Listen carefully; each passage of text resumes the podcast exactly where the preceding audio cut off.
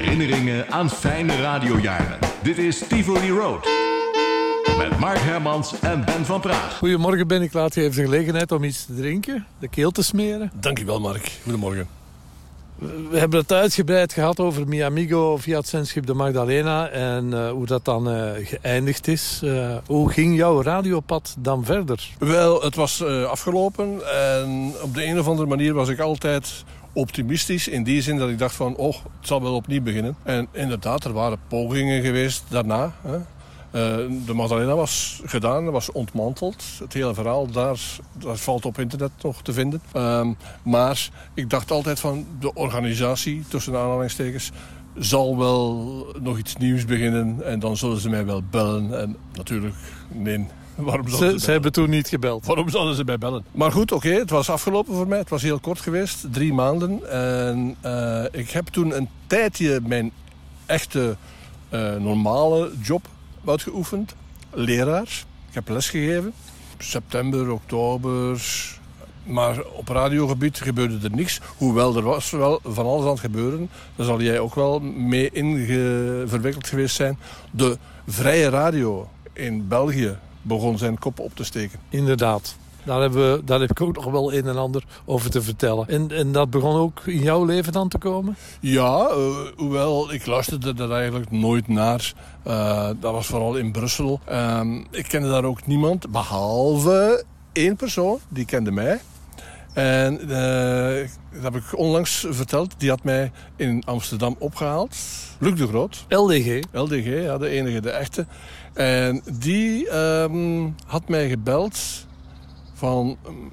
Heb jij belangstelling, interesse om mee te werken aan de radio waar ik aan meewerk. En hij uh, was programmaleider bij de Nederlandstalige poot van Radio Plus in Brussel. Nu, dat interesseerde mij in die mate uh, niet echt veel. Omdat ik toen dacht van waarom, waarom radio maken in, in de twee talen en, en op één frequentie. Uh, ik vond dat niet echt super inventief en toekomstgericht. Weet jij wat de reden was dat die radio's met groot vermogen allemaal in Brussel zaten toen? Uh, ja, tenminste de echte reden. Uh, verschil tussen Vlaanderen, Wallonië en Brussel was de hoofdstad, uh, tweetalig.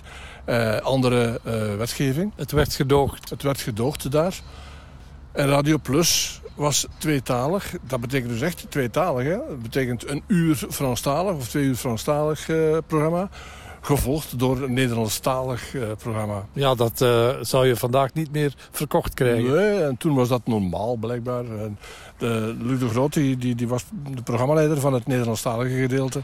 En hij wist mij te overtuigen om bij hem in Aalst um, elke week één uurtje op te nemen. Ik had bij Magdalena de, de, de, hoe heet dat nu weer? Niet het popmuseum, dat was Maeva, maar help mij.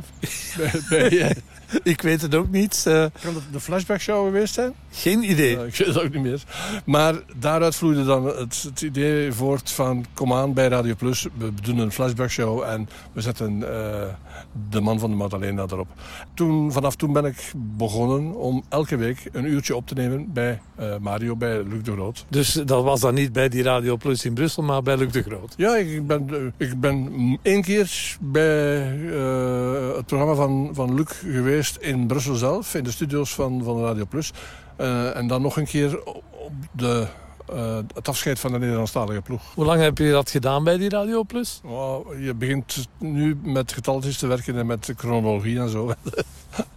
Geen idee. Een tijdje? Een tijdje, een aantal maanden, ja. Tot 11 uur koffiepauze met Mark Hermans.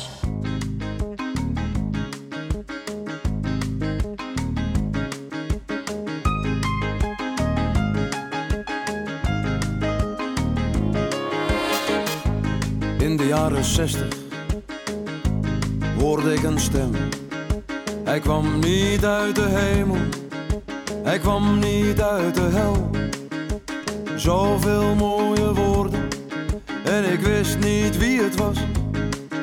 Die stem kwam uit een doosje op de kast. Mijn moeder zei dat is de radio. Ik dacht het is een wonder. En ik kan mijn hele leven niet meer zonder dat wonder. Ik hou van de radio. Herinneringen aan fijne radiojaren. Dit is Tivoli Road.